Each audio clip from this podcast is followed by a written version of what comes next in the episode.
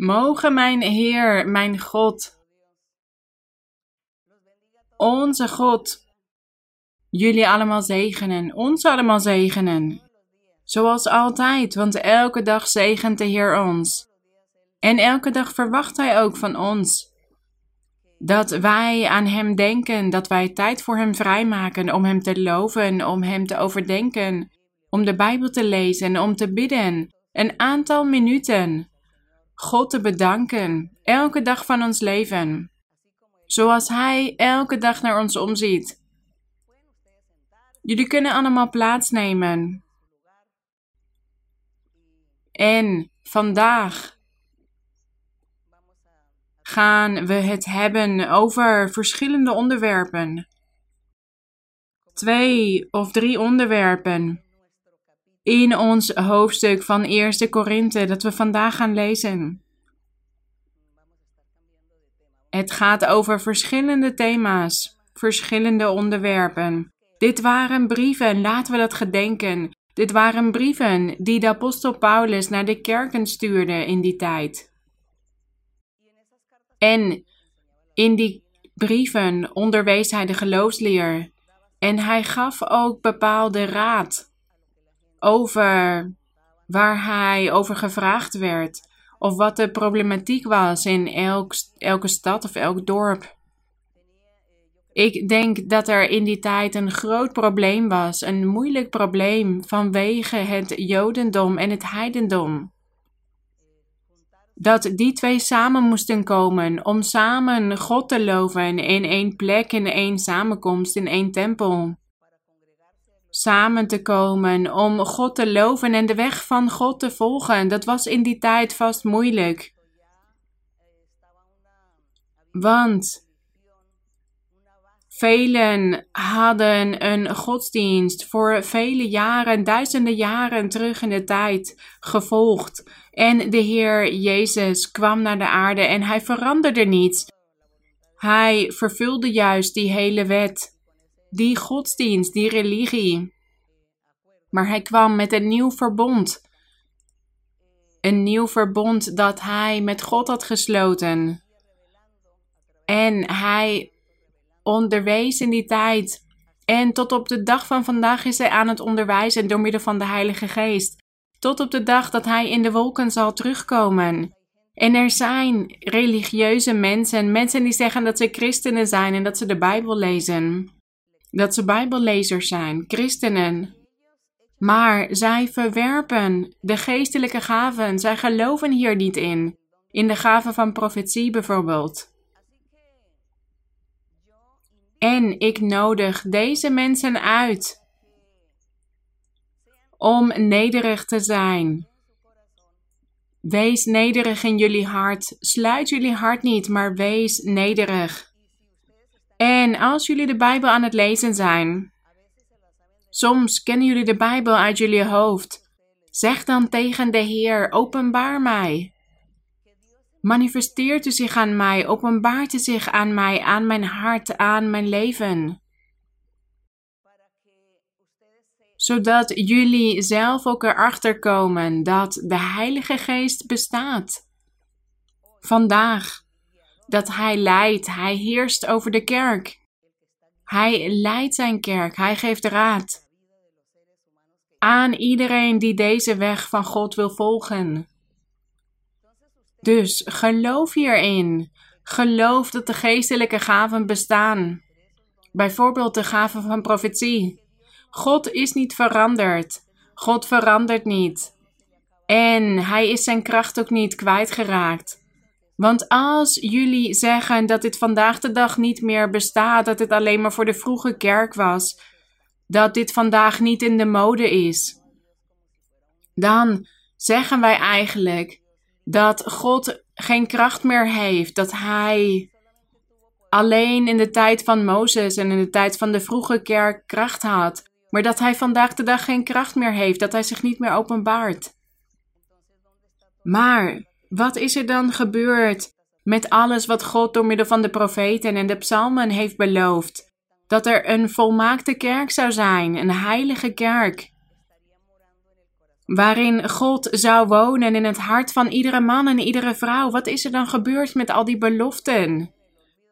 Dat kan niet in de vergetelheid raken. Dat kan niet alleen op papier blijven staan. Het moet in het echt gebeuren. God is zich aan het openbaren.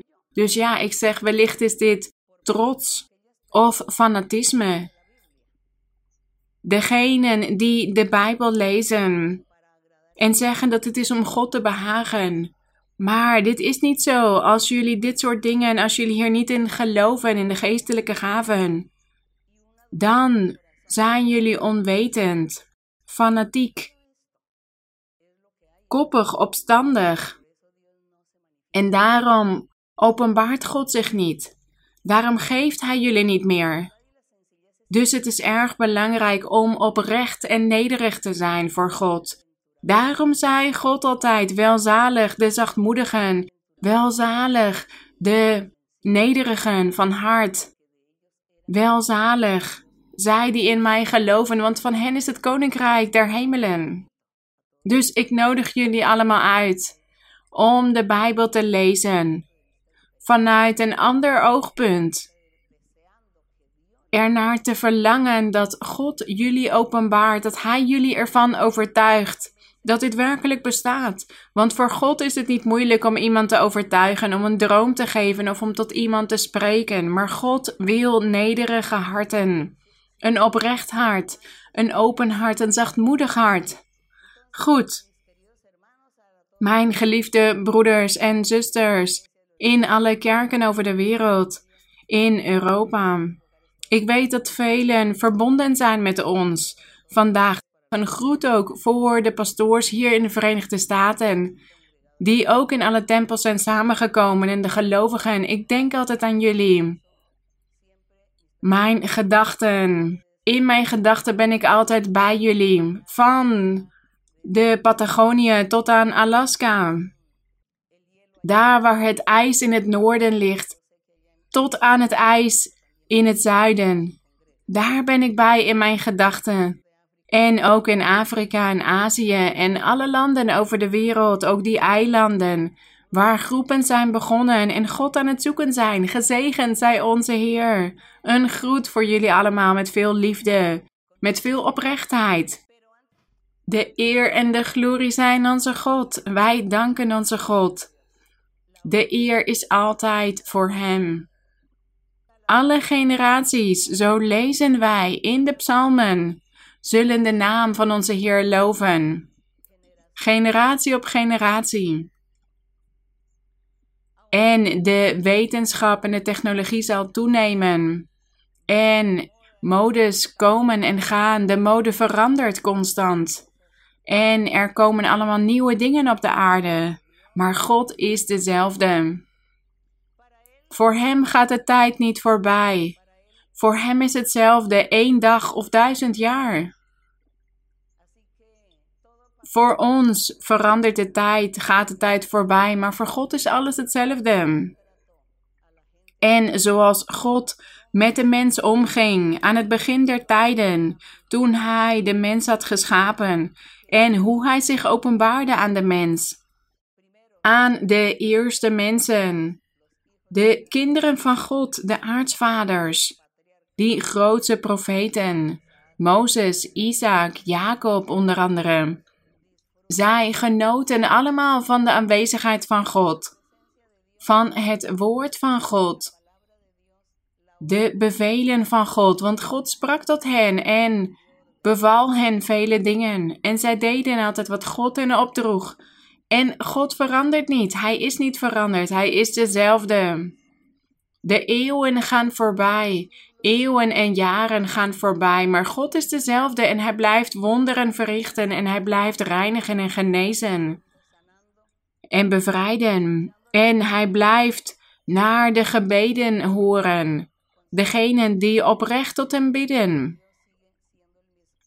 En vandaag openbaart hij zich op eenzelfde manier en hij doet ons ook van die prachtige beloften. En hij helpt ons. Dat is onze God.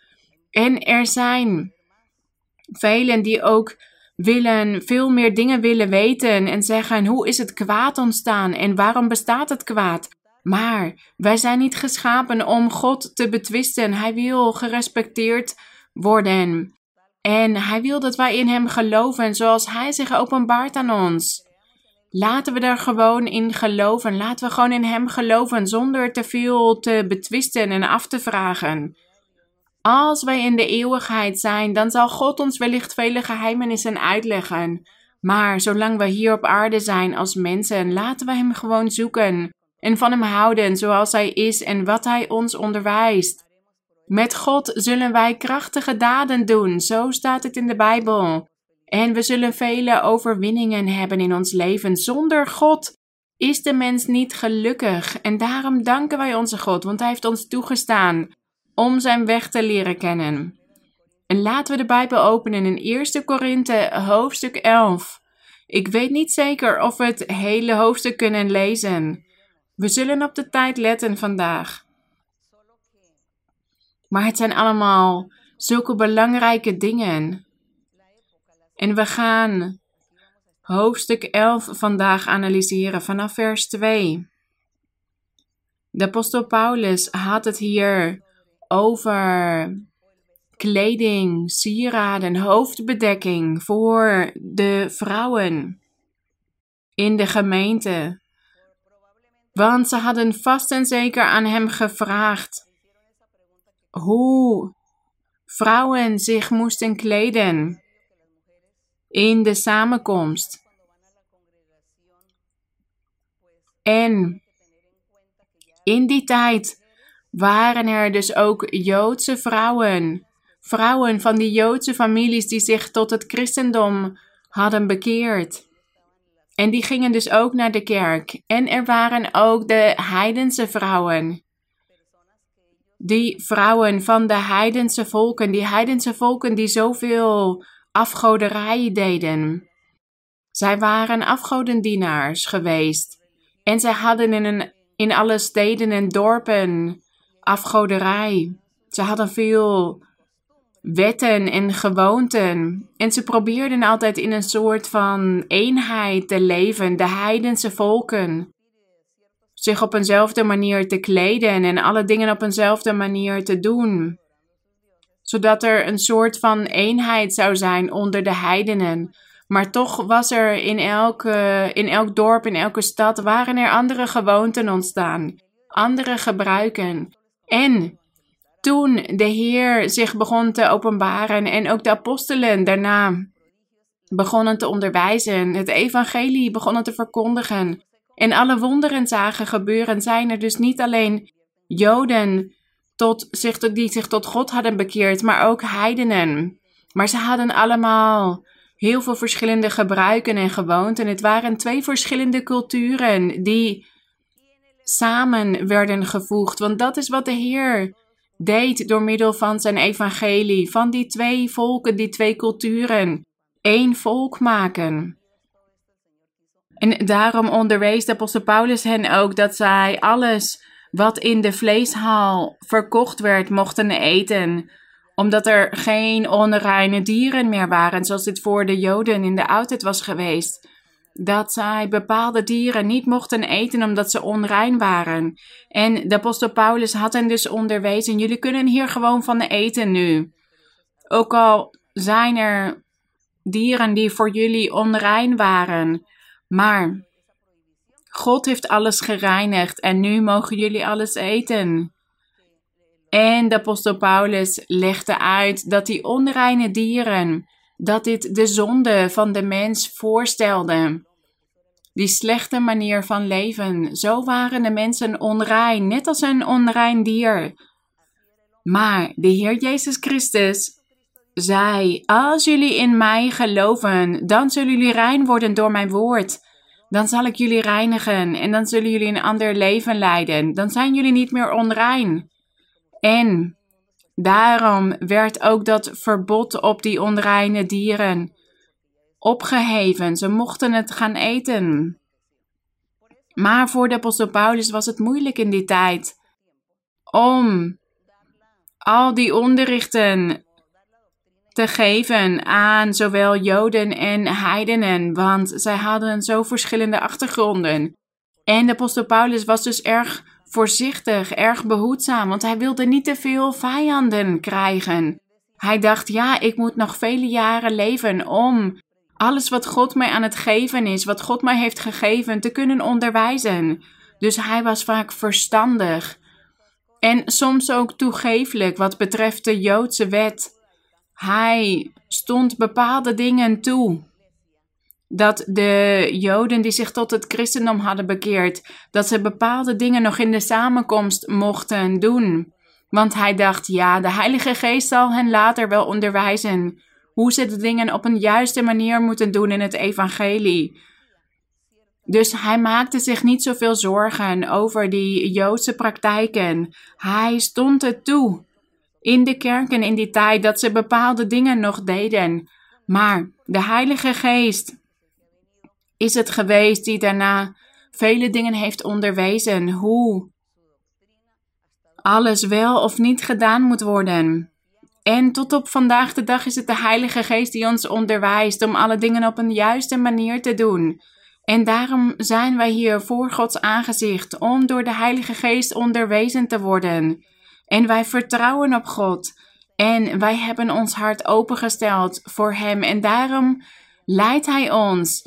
En Hij onderwijst ons en Hij corrigeert ons ook als we dingen fout doen. Wij danken onze God hiervoor. Wij danken onze Heer hiervoor. En in vers 2 staat hier in deze brief van Paulus. En ik prijs u, broeders, omdat u in alles aan mij denkt en aan de overleveringen vasthoudt, zoals ik die aan u heb overgeleverd. Maar ik wil dat u weet dat Christus het hoofd is van iedere man. Dit is wat de apostel Paulus tegen hen zei, of tot hen schreef. We weten niet precies wat de vraag is geweest, maar hij zei: ik wil dat u weet dat Christus het hoofd is van iedere man, en de man is het hoofd van de vrouw, en God is het hoofd van Christus. God is het hoofd van het hele lichaam. Het lichaam is Christus die het hoofd is en de gelovigen die het lichaam zijn. En God is er het hoofd van. Vers 4. Iedere man die bidt of profeteert en iets op zijn hoofd heeft, onteert zijn hoofd. Ze hadden hem gevraagd hoe zij zich moesten kleden in de samenkomst als zij zouden bidden en profeteren in die tijd. En we zien vandaag de dag ook dat er vele plekken zijn, vele mensen, vele mannen die bijvoorbeeld hun hoofd bedekken met een doek, met een tulband. En in die tijd vroegen ze dus ook aan de apostel of de man kon bidden of profeteren met zo'n doek op zijn hoofd, met een tulband, of dat hij dit van zijn hoofd moest zetten. We kunnen het een tulband noemen, of wellicht heeft het een andere naam. Maar ze hadden dan hun hoofd bedekt. En vers 5: Iedere vrouw echter die bidt of profeteert met onbedekt hoofd, dus zonder een doek, onteert haar eigen hoofd. Want het is precies hetzelfde alsof zij kaal geschoren is. Dus alsof wij een vrouw zouden zien met een kaal hoofd. En dat zou dan er niet eerbaar uitzien, of wellicht ongemakkelijk, of beschamend. Vandaag de dag, de koppigheid van de mens Zorg ervoor dat dit niet meer goed of slechter uitziet. Iedereen doet maar wat hij of zij wil. En er zijn altijd verschillende modes. De mode verandert. Want ja, mensen denken niet meer aan God. Ze denken niet aan God. Het maakt hen niet uit wat God wil. Maar hier hebben we het over mensen die God aan het zoeken waren.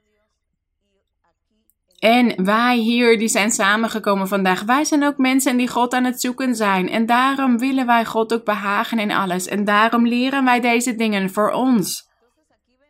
En we zien hier hoe de apostel Paulus zei dat de vrouw om te bidden of te profeteren, dat ze haar hoofd bedekt moest hebben. En er zijn dus mensen die vandaag de dag zeggen: ja, een hoofddoek. Een hoofddoek om het hoofd te bedekken. Ik weet dat er christelijke religies zijn, evangelische gemeenten, die vandaag de dag nog steeds zeggen dat de vrouw haar hoofd moet bedekken met een doek. Maar we zullen verderop in dit hoofdstuk lezen dat er iets anders is, dat hiervoor in de plaats is gekomen. En de apostel Paulus zei dus ook dat mannen juist niets op hun hoofd moesten hebben. Dat ze hun hoofd niet moesten bedekken met een tulband. Want de man is hoofd van de vrouw. Het hoofd van de vrouw, dat is wat hij hier onderwees. En dat Christus het hoofd is van iedere man en God het hoofd van Christus. Vers 5 hadden we al gelezen. Dus dat de vrouw die bidt of profeteert met onbedekt hoofd, haar eigen hoofd onteert. Het werd als iets slechts gezien. Vers 6. Want als een vrouw het hoofd niet bedekt heeft, laat zij zich dan ook maar kaal knippen. Als het echter voor een vrouw schandelijk is kaal geknipt of kaal geschoren te zijn, laat zij dan het hoofd bedekken. Dus hij zei hier dat ze het hoofd moesten bedekken. En hier in vers 7 staat dat een man het hoofd namelijk niet moet bedekken, omdat hij het beeld en de heerlijkheid van God is. Want toen God de mens had geschapen, had hij eerst een man geschapen. Hij had een man gemaakt. En daar, dus in die man, was de kracht van God verheerlijkt. Op dat moment dat hij de man had geschapen. Daarom staat hier dat hij het beeld en de heerlijkheid van God is. Want hij had ook de man geschapen naar het beeld en de gelijkenis van God. En hij is dus ook de heerlijkheid van God, want dat was dat wonder dat hij in die tijd had gedaan, dat hij de man had geschapen. De vrouw is echter, staat hier, de vrouw is echter de heerlijkheid van de man. Waarom is de vrouw de heerlijkheid van de man? Laten we gedenken dat God de man had geschapen en hem Adam had genoemd. En daarna zei hij: Het is niet goed dat de mens alleen is. Ik zal een hulp voor hem maken als iemand tegenover hem. En we lezen hoe hij een rib uit het lichaam van de man had gehaald om daaruit een vrouw te bouwen. Uit de rib van de man. En daarom staat hier dat, een, dat de vrouw de heerlijkheid van de man is. Want God had uit de man een rib gehaald om daarmee een wonder te verrichten, om de vrouw te schapen daarmee. Daarom staat hier dat de vrouw de heerlijkheid van de man is. Het is een positief resultaat geweest uit de man. Het was een iets onzagwekkends, iets buitengewoons, een wonder dat God had verricht. Daarom is zij de heerlijkheid van de man, omdat zij uit de rib van een man is gemaakt. En dat kunnen wij vinden in Genesis 1, 26. Dat kunt u later zelf lezen. Vers 8. De man immers is niet uit de vrouw, maar de vrouw is uit de man. Dus dat is wat we net zeiden. De man is niet uit de vrouw, want de man was als eerst geschapen. Maar de vrouw is uit de man, ja, want uit de man was dus de vrouw geschapen. Vers 9. Hier staat, want ook is een man niet geschapen omwille van de vrouw, maar een vrouw is geschapen omwille van de man. Ja, want God had gezegd: Ik zal een hulp voor hem maken als iemand tegenover hem, zodat hij niet alleen is. Daarom had hij de vrouw geschapen. Vers 10. Daarom moet de vrouw een teken van gezag. Daarom moet de vrouw, daarom dus omdat de vrouw er omwille van de man was, en uit de man was voortgekomen, uit de rib van de man, Daarom moet de vrouw een teken van gezag op het hoofd hebben, staat hier in vers 10. Omwille van de engelen. Ik weet niet of jullie al hebben ontdekt waar het hier over gaat. Waarom staat hier dat omwille van de engelen een vrouw een teken van gezag op het hoofd moet hebben? Wat betekent dit omwille van de engelen? Hier staat dus: daarom moet de vrouw een teken van gezag op het hoofd hebben. Omwille van de engelen. Wie zijn de engelen? Zijn de engelen superieur aan de mens? Wie is er meer, de engelen of de mens? Wat is de mens voor God? En wat zijn de engelen voor God? Laten we naar Hebreeën hoofdstuk 1 gaan, zonder 1 Korinthe hoofdstuk 11 te verliezen. Hebreeën 1. Hier gaat het over de engelen. De Heilige Geest spreekt hier over de engelen. En hier lezen wij dat de Heer Jezus Christus superieur was aan de engelen, voortreffelijker. Want hij had tegen geen van de engelen gezegd: U bent mijn zoon. Laten we dat hier lezen in Hebreeën 1:5. Want tegen wie van de engelen heeft God ooit gezegd: U bent mijn zoon, heden heb ik u verwekt? Hier ging het over dat fysieke deel van de Heer Jezus Christus, het vlees, dat God dat verwekt. Want God, ja, hij bestaat zelf al sinds het begin der tijden. Maar het gaat hier dus over het fysieke, lichamelijke deel van de Heer Jezus Christus. Heden heb ik u verwekt. En verder, ik zal voor hem tot een vader zijn en hij zal voor mij tot een zoon zijn. Hij had het aan geen enkele engel gezegd. Vers 7. En van de engelen zegt hij weliswaar: die zijn engelen maakt tot geesten en zijn dienaren tot een vuurvlam. Dat zijn de engelen. Dat is wat God van de engelen zegt. Maar wat zegt hij van de Heer Jezus Christus? Wat zegt hij over zijn zoon? In vers 8: Uw troon, o God, bestaat in alle eeuwigheid. De scepter van uw koninkrijk is een scepter van het recht. Dus het gaat hier over een koning. Zijn zoon noemt hij een koning, een groots personage, maar zo spreekt hij niet over de engelen. De engelen waren gewoon of zijn gewoon geesten, dienaren, een vuurvlam.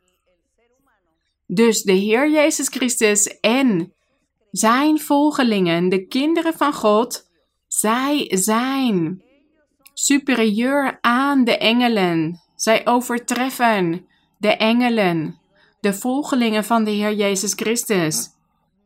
Vers 14, hier van Hebreeën hoofdstuk 1. Hier staat nog meer, hier gaat het nog meer ook over wat de engelen zijn, ook in vers 13. En tegen wie van de engelen heeft God ooit gezegd: Zit aan mijn rechterhand, totdat ik uw vijanden neergelegd heb als een voetbank voor uw voeten?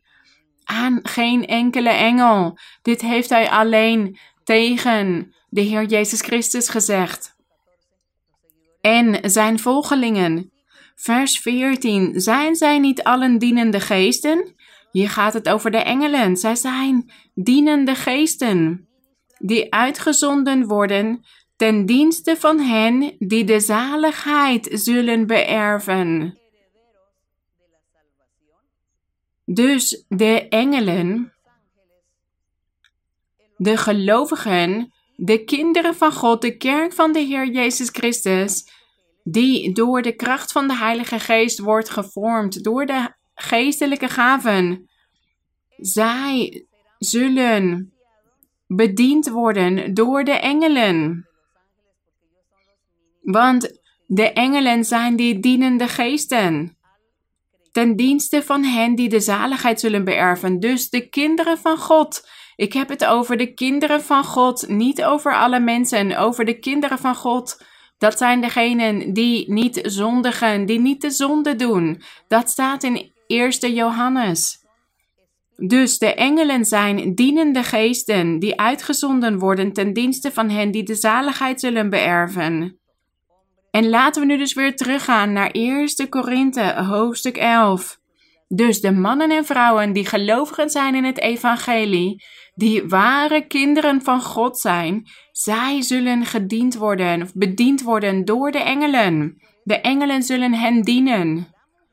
En daarom staat hier dat de vrouw een teken van gezag op het hoofd moet hebben omwille van de engelen. Dus ik heb dit haar hier en de engelen zien mijn haar. En zij weten dat zij mij moeten dienen, want ik heb gezag over hen op een bepaalde manier. Ik ben superieur aan hen, ik overtref hen. Want wij horen bij de kerk van de Heer Jezus Christus. Hij is de kerk, hij is de zoon die van de Vader al die prachtige beloften had ontvangen. Want al die beloften voor de Heer Jezus Christus waren ook voor zijn gelovigen. En wie zijn de gelovigen?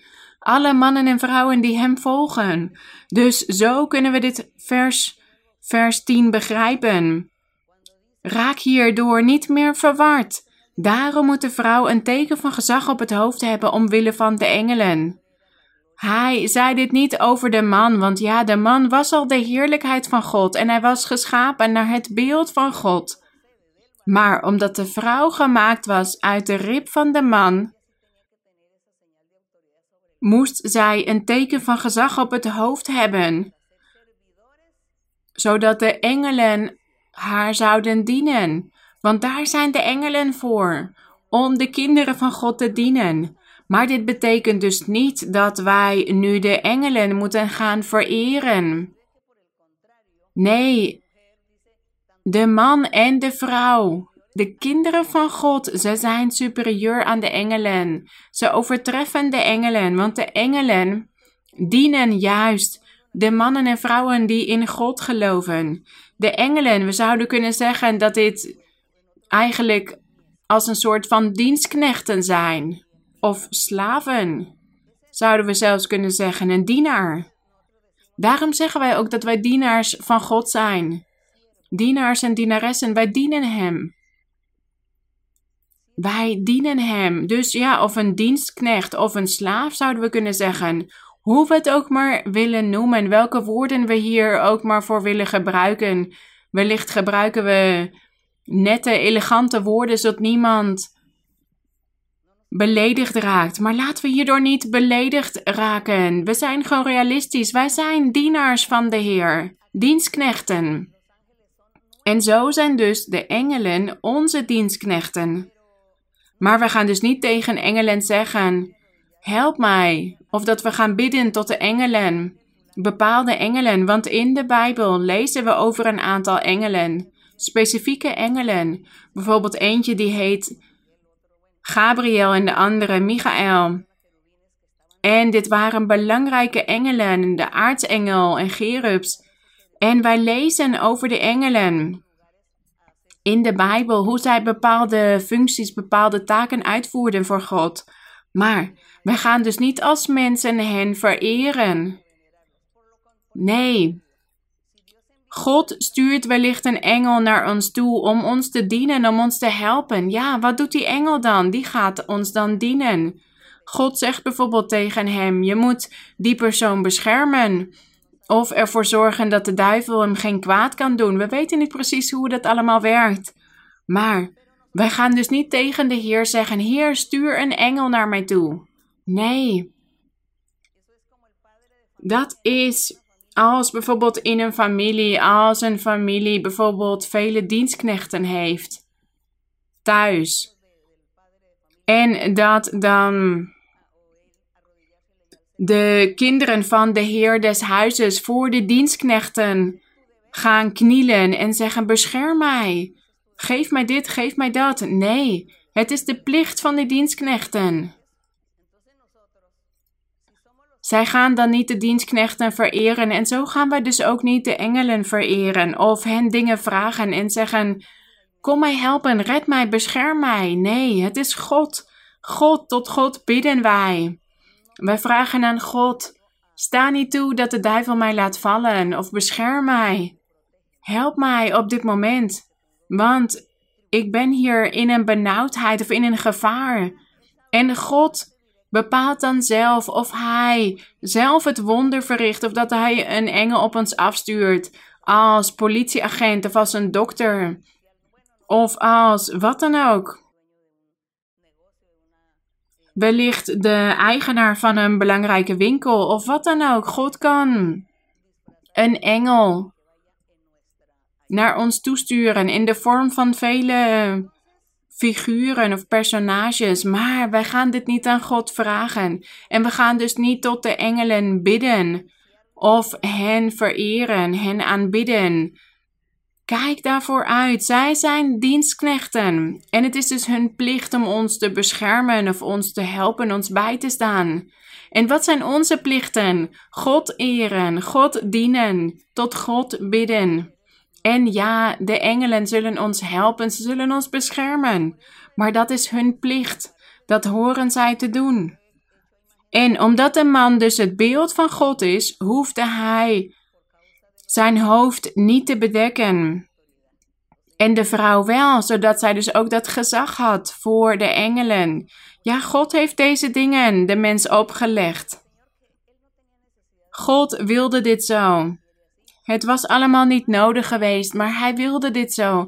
En hij wilde mensen op de proef stellen. Om te kijken of ze hem zouden gehoorzamen of dat ze juist zijn woorden zouden verdraaien. En velen hebben de woorden van God verdraaid.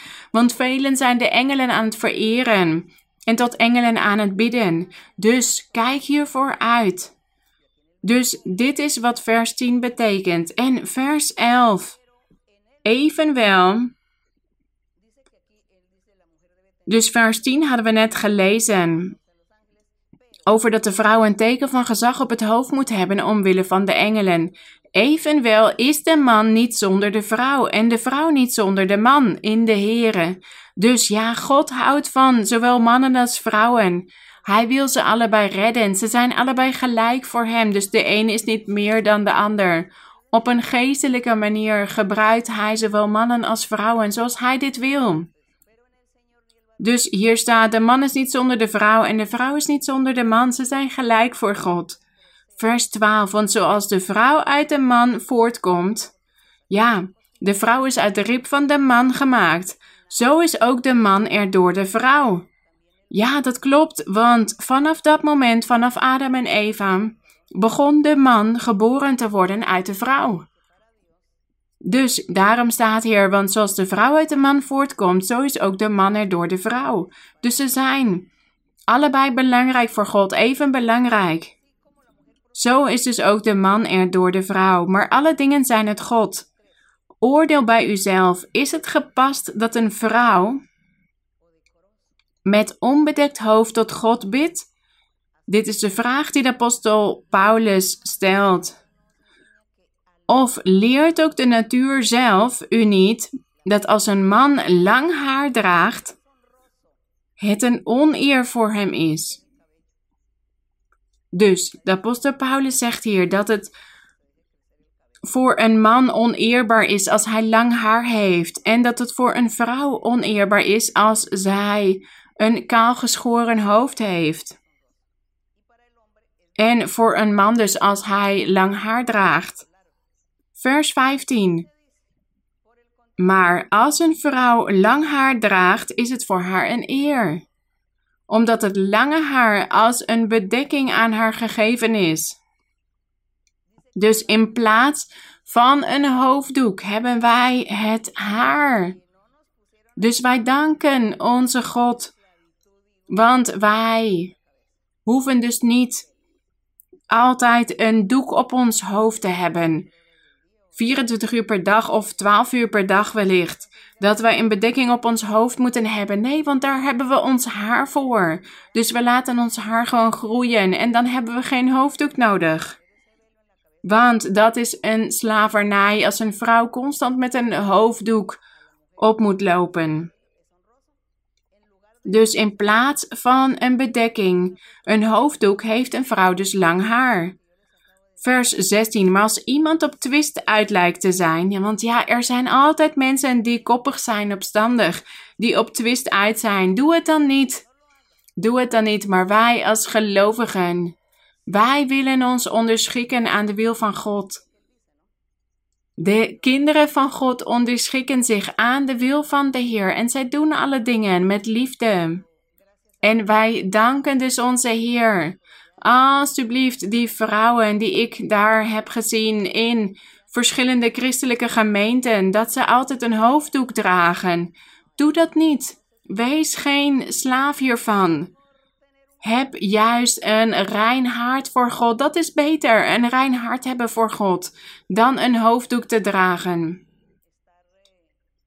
Want we kunnen deze dingen verkeerd verklaren. Dat is dat we deze dingen, het woord van God, de Bijbel, verkeerd verklaren als wij dat soort dingen doen. En vele jaren, eeuwen zijn voorbij gegaan en het voedsel van vandaag de dag heeft bijvoorbeeld niet meer dezelfde vitaminen als vroeger. Dus we zien ook vele dingen veranderen. Dat er mensen vandaag de dag zijn zonder haar. Of dat vanwege stress of moeilijkheden, problemen, dat zijn haar is uitgevallen. Of dat die persoon niet genoeg vitaminen heeft en dat daarom zijn haar niet groeit. Of er zijn ook mensen die krijgen kanker en daardoor valt het haar uit.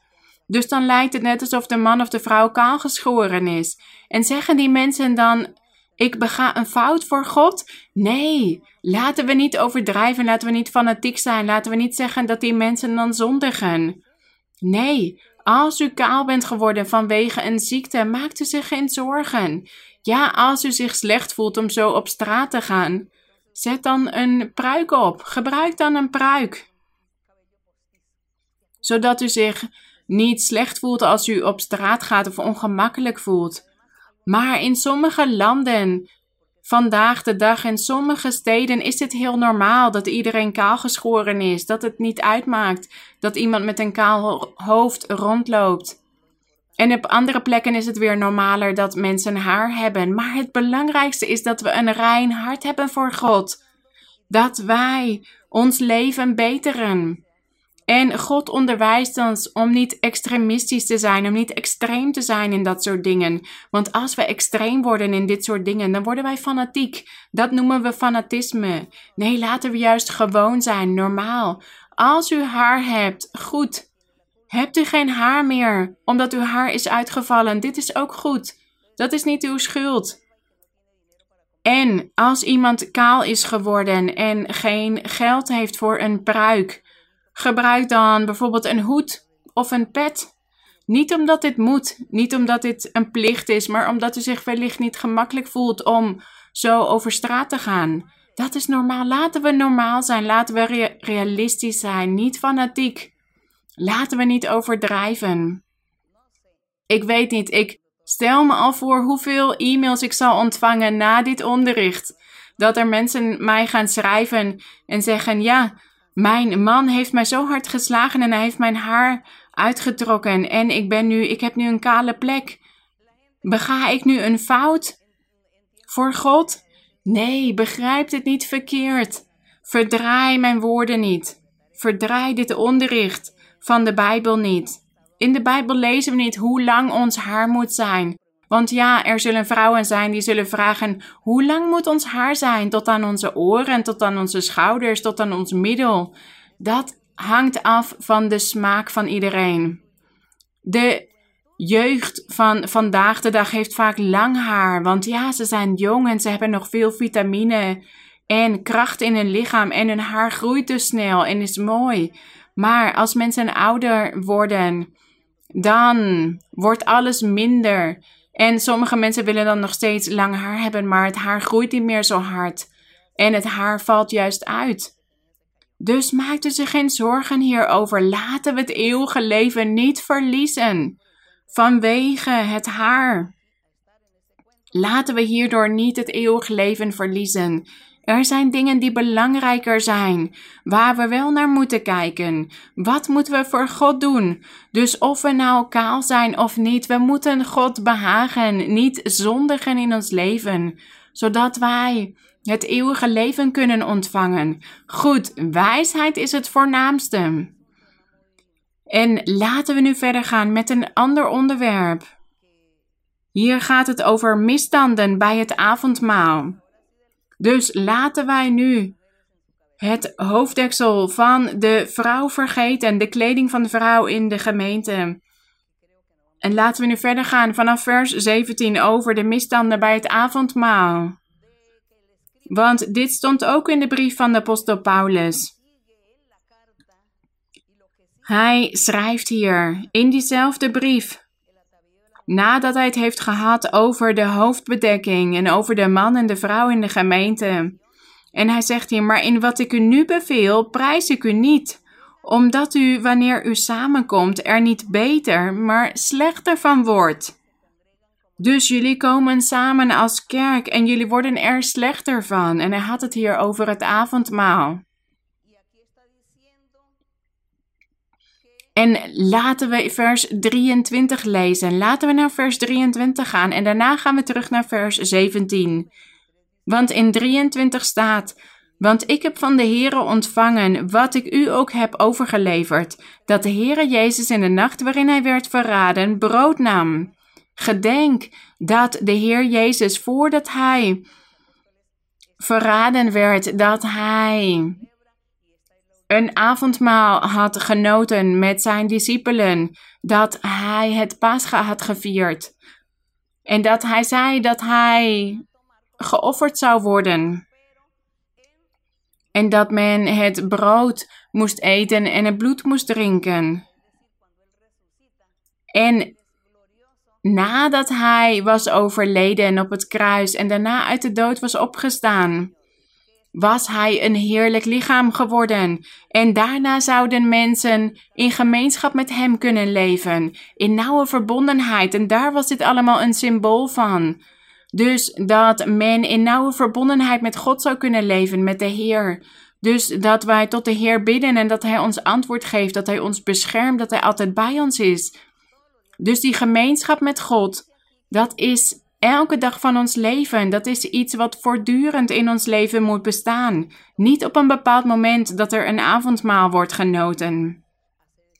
Vers 24. En nadat hij gedankt had, brak hij het en zei: Neem, eet, dit is mijn lichaam, dat voor u gebroken wordt. Doe dat tot mijn gedachtenis. Laten we gedenken dat het paascha gevierd werd met een lam, een compleet lam, en dat moest opgegeten worden. Met ongezuurde broden met bittere kruiden, en daarna moesten zij wijn drinken. En hier staat in vers 25. Evenzo nam hij ook de drinkbeker na het gebruiken van de maaltijd en zei: deze drinkbeker is het nieuwe verbond in mijn bloed. Doe dat, zo dikwijls als u die drinkt, tot mijn nagedachtenis. Want zo dikwijls als u dit brood eet en deze drinkbeker drinkt, verkondigt de dood van de Heere totdat hij komt. Dit is wat apostel Paulus tegen de kerk in die tijd zei, maar het was geen bevel van God dat ze dit altijd moesten vieren. Het was geen verplichting. Hij zei: Als u dit dan doet, doe het op deze manier. Tot gedachtenis van de Heere, om zijn dood te verkondigen. Maar het avondmaal, dat is dus niet iets wat wij vandaag de dag zien, wat mensen hebben bedacht. Ja, wellicht omdat het gemakkelijk is, het gemakzucht. En vanwege tijdgebrek en vele dingen, ja, christenen vandaag de dag, bijbellezers hebben bedacht dat het avondmaal bestond uit een heel klein stukje brood, zo'n heel klein stukje en een slokje wijn. Dat was niet het avondmaal van de Heer. Het avondmaal was een maaltijd. En dat was dus een heel lam met ongezuurde broden met bittere kruiden. En in die drinkbeker zat wijn, want dat stelde het bloed van de Heer voor. En laten we nu weer teruggaan naar vers 17. Maar in wat ik nu beveel, prijs ik u niet, omdat u wanneer u samenkomt er niet beter, maar slechter van wordt. Want ten eerste hoor ik dat er, als u samenkomt in de gemeente, verdeeldheid onder u is. En ten dele geloof ik dat. Want er moeten ook afwijkingen in de leer onder u zijn, opdat wie beproefd blijken te zijn, in uw midden openbaar komen. Dus Door die afwijkingen zullen wij zien wie werkelijk kinderen van God zijn, zei hij. Vers 20. Zoals u nu bij elkaar samenkomt, is dat, samenkomt, is dat niet het eten van het avondmaal van de Here. Wat deden zij? Al die christelijke gemeenten na de Heer Jezus Christus. Wat deden zij? Om het avondmaal van de Here te vieren. Hier staat vers 21, want bij het eten gebruikt iedereen van tevoren al zijn eigen avondmaal en dan heeft de een honger terwijl de ander dronken is. Dus, hoe was dit avondmaal? Het was heel veel eten, het ging om heel veel eten. En er, werden dus, er waren mensen die zoveel aten en zoveel dronken, dat ze bijvoorbeeld ook dronken werden. Dus het avondmaal van de Heer was niet een heel klein stukje brood, zoals ik jullie hier laat zien. Wat er vandaag de dag nu ook gebeurt in sommige gemeenten, dat ze het avondmaal vieren met zo'n heel klein stukje brood, dat is niet juist. Dat was niet het avondmaal van de Heer. Hier staat dat men heel veel at. Ze aten zoveel ze waren als veel vraten en sommigen moesten zelfs overgeven van hoeveel zij aten. En anderen waren dronken geworden. Dus was dit dan een slokje wijn dat ze daar dronken van werden? Nee, als wij zoiets doen op een fysieke manier, een klein stukje brood en een slokje wijn, zal dat God behagen? Nee, Hij is geest. Hij heeft geen eten van ons nodig, dat wij door middel van eten dingen voor Hem doen. Hij wil een hart zonder zonde van ons.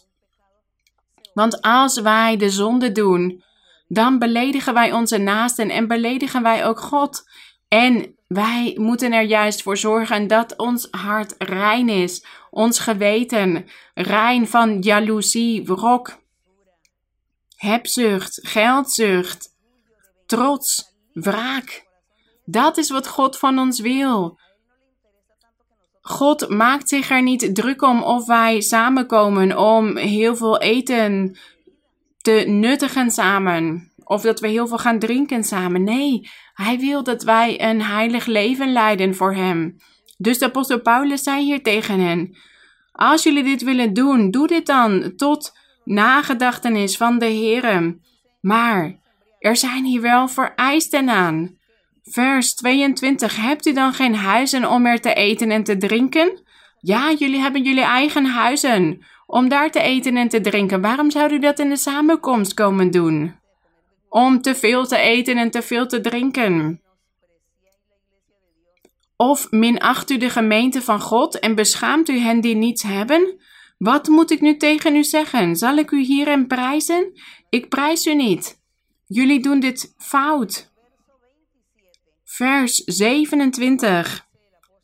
Wat moeten we dan doen? Dit is wat apostel Paulus zei. Daarom, wie op onwaardige wijze dit brood eet of de drinkbeker van de Heere drinkt, is schuldig aan het lichaam en bloed van de Heere. Dus hij zei hier tegen hen: Ja, jullie komen samen en jullie zeggen dat jullie het avondmaal van de Heere nuttigen, vieren, maar sommigen worden dronken en anderen zijn veel vraten geworden. En ze doen allemaal gekke dingen vanwege het dronken zijn. En het behaagt God niet, zo'n samenkomst, zo'n bijeenkomst. En de geest van God gaat zich dan niet openbaren in het midden. En hier staat dus wie op onwaardige wijze dit brood eet, of de drinkbeker van de Heere drinkt, omdat hij in zonde leeft, dan heeft het avondmaal geen enkel nut dan bent u juist schuldig aan het lichaam en bloed van de Heere. Vers 28. Maar laat ieder mens zichzelf beproeven, en laat hij zo eten van het brood en drinken uit de drinkbeker. Dus we moeten ons eerst onszelf beproeven. Als wij in volmaaktheid leven, vier dan het avondmaal, maar niet volgens de tradities die de christelijke gemeente vandaag de dag hebben bedacht. En ook niet hoe ze dit hier in de vroege kerk deden, waar we nu over hebben gelezen. Ik ben het niet eens met die manier waarop zij het deden en ook niet op de, met de manier waarop ze dit vandaag de dag doen in vele christelijke gemeenten. Nee, dit was geen gebod. De apostel Paulus zei tegen hen: Als jullie dit willen doen, doe dit dan op een juiste manier. Maar we zien hier geen geestelijkheid in. Want als wij zeggen: Ja, laten we dan een avondmaal van de Here vieren. Dus dat het maar genoeg brood is, een groter stuk brood en een beker vol wijn. Maar wat geeft dit ons? Waar is dit nuttig voor? Want velen hebben zichzelf nog niet beproefd. Ze leven nog niet goed voor God en hier staat wie dit op onwaardige wijze doet. Vers 29. Die eet en drinkt zichzelf een oordeel, omdat hij het lichaam van de Heer niet onderscheidt. Dus God zal hem hiervoor straffen. God zal zeggen: Je bent een huigelaar, want je viert het avondmaal. Je gedenkt het avondmaal, maar je leeft slecht. En hoe kunnen wij als mensen hier voor anderen gaan staan en zeggen: ja, degene die goed leeft, die mag, van het, avond, die mag het avondmaal nuttigen, die mag het avondmaal vieren. Dus u wel en u niet. U wel en u niet. Nee, wij kunnen dat niet zeggen over andere mensen en we kunnen niet discrimineren. En we kunnen ook niet zeggen vanaf hier de preekstoel: ja, iedereen die op een oprechte manier leeft, die mag hier aan deelnemen. Kom maar naar voren. Maar wat zal er dan gebeuren en iedereen zal zich schamen? Degenen die toch slecht leven in de ogen van God, die zullen toch naar voren komen, want die denken ja, als ik blijf zitten en als ik niet meedoe, dan zal iedereen van mij denken dat ik slecht leef. Dus laat ik toch maar meedoen. En wat gebeurt er dan? Ja, we hebben daar dan geld aan uitgegeven als er bijvoorbeeld 3000 gelovigen samenkomen in een kerk. Dat is dat zijn veel te veel mensen om het avondmaal mee te vieren. En ondertussen gebruikt de meerderheid het avondmaal op onwaardige wijze. En we zijn dan toch geld aan het uitgeven en wij leggen ook obstakels in het leven van, in het geestelijk leven van die mensen, want God zal hen hiervoor straffen. Hoe kunnen wij nu zeggen, ja, degene die goed leven, kom maar naar voren en de rest niet? Nee, dat kan niet, dus dan niemand. Iedereen kan hier zelf over nadenken. En als u zegt, ja, mijn gezin, mijn vrouw of mijn man en mijn kinderen, ja, we zoeken samen God en we hebben gezag voor God en we leven goed. Vier het dan samen, maar let goed op, want u weet niet hoe het hart van uw kinderen is of hoe het hart van uw vrouw is of uw man is. Wellicht is een van hen een huigelaar en leeft hij of zij toch nog in zonde. Dus wees hier behoedzaam voor. Wat zou ik zeggen? Ik zou het alleen doen, want ja, ik ken mijn geweten, ik ken mijn hart. Ik weet of ik goed leef of niet. Ik ga geen huigelaar zijn met mezelf. Dus ik zou het zelf doen, alleen. En waarom onderwijs ik dit? Want er zijn mensen die de kerk hebben leren kennen en ze komen van andere gemeenten. En ze zeggen tegen mij: Waarom vieren jullie het avondmaal niet? Waarom doen jullie dit niet? Dit horen we te vieren. Maar waarom zouden wij ervoor zorgen dat God jullie zal straffen? Want als jullie dit op een onwaardige wijze doen, dan zal God jullie straffen en vele zegeningen van jullie wegnemen. Dus zorg er juist voor dat u goed leeft voor God. Dat is veel belangrijker. En als u goed leeft voor God, dan kunt u het avondmaal zelf vieren. Voor God. Dat is het onderricht. En ja, de tijd is voorbij, maar laten we snel nog lezen. Vers 28. Of vanaf vers 27, zodat we dit niet meer vergeten. Daarom, wie op onwaardige wijze dit brood eet of de drinkbeker van de Heere drinkt, is schuldig aan het lichaam en bloed van de Heere. Maar laat ieder mens zichzelf beproeven en laat hij zo eten van het brood en drinken uit de drinkbeker. Want wie op onwaardige wijze eet en drinkt, die eet en drinkt zichzelf een oordeel, omdat hij het lichaam van de Heere niet onderscheidt. Dus als iemand in zonde leeft, dan drinkt hij zichzelf een oordeel. Daarom zijn er onder u veel zwakken en zieken En velen zijn ontslapen. Ontslapen op een geestelijke manier, maar ook op een fysieke manier. Die zijn overleden vanwege de zonde. Vers 31, want als wij onszelf zouden beoordelen, zouden wij niet geoordeeld worden. Want dan zouden we oprecht zijn, eerlijk en praktisch. En dan zouden we zeggen: nee, waarom zou ik naar de kerk gaan om het avondmaal te vieren? Ik doe dit wel thuis. En ik betrek anderen hier niet bij. Vers 32, maar als wij geoordeeld worden, worden wij door de Heer bestraft, opdat wij niet met de wereld veroordeeld zouden worden. Daarom, mijn broeders, als u samenkomt om te eten, wacht op elkaar. Maar als iemand honger heeft, laat hij thuis eten, opdat u niet tot een oordeel samenkomt. Dus zodat die personen niet zouden samenkomen om maar heel veel te eten. En hier staat: Wat betreft de overige zaken zal ik opdracht geven wanneer ik kom. Wat jammer, zeggen wij, want we weten niet wat apostel Paulus hen nog meer had onderwezen in die tijd. Maar goed, met wat wij nu hebben gelezen, hebben wij veel geleerd. Dus als u vindt dat u goed leeft in de ogen van God, doe dit dan zelf voor God, maar op een wijze manier. Voor God is het eten, het materiële, het eten en drinken niet belangrijk. God is niet stoffelijk. God is niet, bestaat niet uit eten en drinken, maar juist een geestelijke drank, een geestelijk voedsel. En Hij wil van ons ook een geestelijk leven, een oprecht leven. Een ordelijk leven, waarin wij anderen geen kwaad doen. Als er bijvoorbeeld een gezin is, een echtpaar en een man is zijn vrouw ontrouw, dan laat hij haar lijden, dan doet hij zijn naaste pijn. En die vrouw kan dan tegen haar familieleden zeggen: Kijk, ik heb dit meegemaakt. Mijn man is ontrouw geweest. En die hele familie zal er dan onder lijden, zal daardoor verdrietig worden. Dus zo doet die man vele mensen pijn. En dit, gaat, dit geldt voor elke zonde, bijvoorbeeld diefstal, stelen. Als iemand bijvoorbeeld van iemand anders een heel mooi horloge steelt. En die persoon had dat met veel moeite verworven, dat mooie horloge. En als hij die dan kwijt is geraakt, als, hem, als hij dan bestolen wordt, dan doet dit pijn. Dan zegt hij: Ja, ik heb hier zo hard voor gewerkt, ik had hiervoor gespaard. En nu had ik het en nu heb ik het niet meer. En ik kan niet weer een nieuwe kopen. Ik kan niet meer genieten van mijn horloge. Dus diegene die het gestolen heeft, die heeft zijn naaste pijn gedaan. Kwaad gedaan.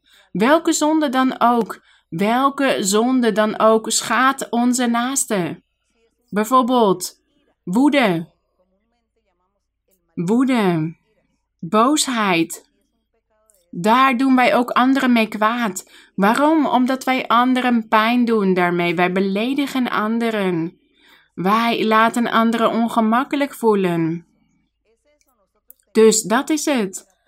Wij horen dit te analyseren, hoe wij onze naasten geen kwaad doen. Want het gebod van God is: hou van God, heb God lief en heb uw naaste lief. Dus wij kunnen onze naasten geen kwaad doen. We kunnen geen zonden begaan in ons leven.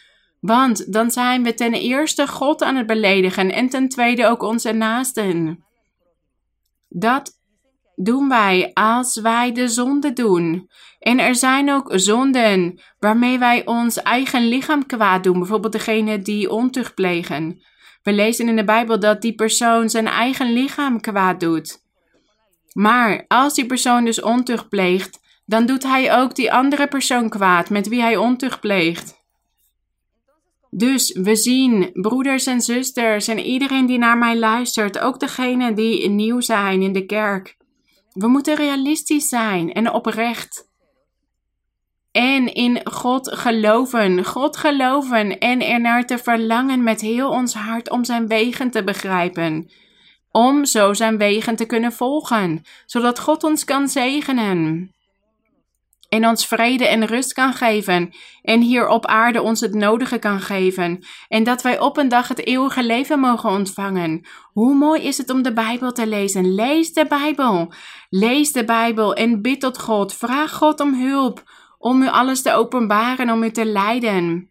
Om u raad te geven. Wij danken onze Heer. Omdat Hij ons heeft toegestaan om hier vandaag zo over te spreken. Wellicht harde woorden voor sommigen, maar het is belangrijk om het hierover te hebben. Mogen de eer en de glorie voor God zijn. Laten we tot hem bidden. Wij danken u, Hemelse Vader. Wij danken u voor dit voorrecht dat wij hier voor uw aangezicht samen mogen komen.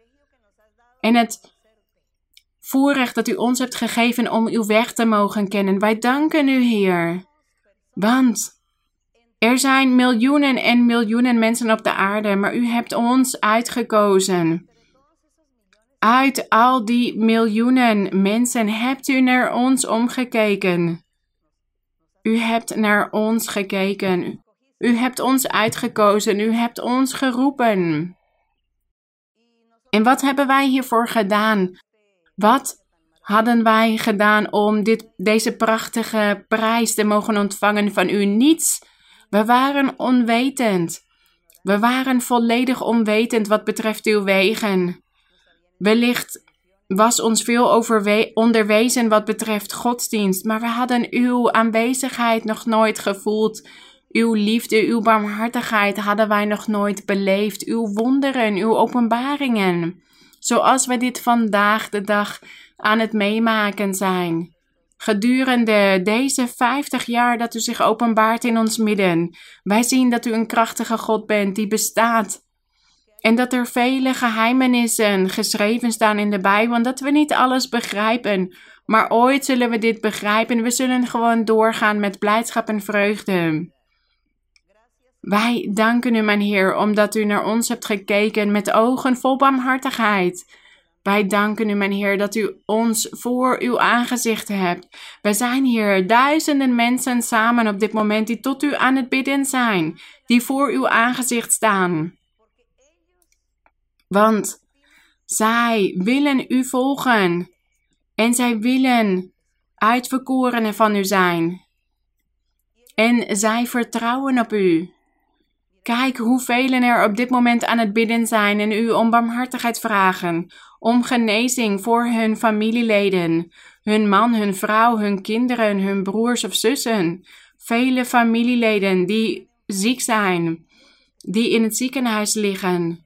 Ook degenen die in coma liggen. En er zijn ook anderen die zijn overleden. En die familieleden zijn ontroostbaar. Geef hen kracht. En degenen die ziek zijn geworden door dit virus, strek uw hand naar hen uit en herstel hen gezondheid. Geef hen nog een kans om te leven. Geef hen nog een kans om te leven, mijn Heer, zodat zij wakker worden, zodat ze ontwaken en hun geweten analyseren en goed gaan leven voor U, mijn Heer. Geef hen nog een kans. En luister naar het gebed van de ellendige, van de armen. Wij danken u dat u naar ons luistert, mijn Heer. U bent de schepper van de hemelen en de aarde. Onze schepper, onze Vader, gezegend en geprezen zij uw naam tot in alle eeuwigheid. Wij loven u, mijn Heer. Wij geven u de glorie en de eer in de luisterrijke naam van Christus, uw geliefde Zoon. Wij danken u. Amen. Mogen de Heer jullie allemaal groot zegenen, mijn broeders en zusters. Mijn excuses voor de tijd. Ga alsjeblieft verder met de dienst. Jullie die samen zijn gekomen in de plekken van samenkomst. Ga verder met de getuigenissen. En ik hoop ook al die getuigenissen van jullie te ontvangen, te horen. Dank jullie wel, ook degenen die hier vandaag voor de eerste keer zijn. Kom alsjeblieft naar een van de kerken die dicht bij u is. Om handoplegging te ontvangen en profetie, zodat God u kan troosten. Dank jullie wel allemaal. Groeten voor de kinderen. Mogen God jullie zegenen.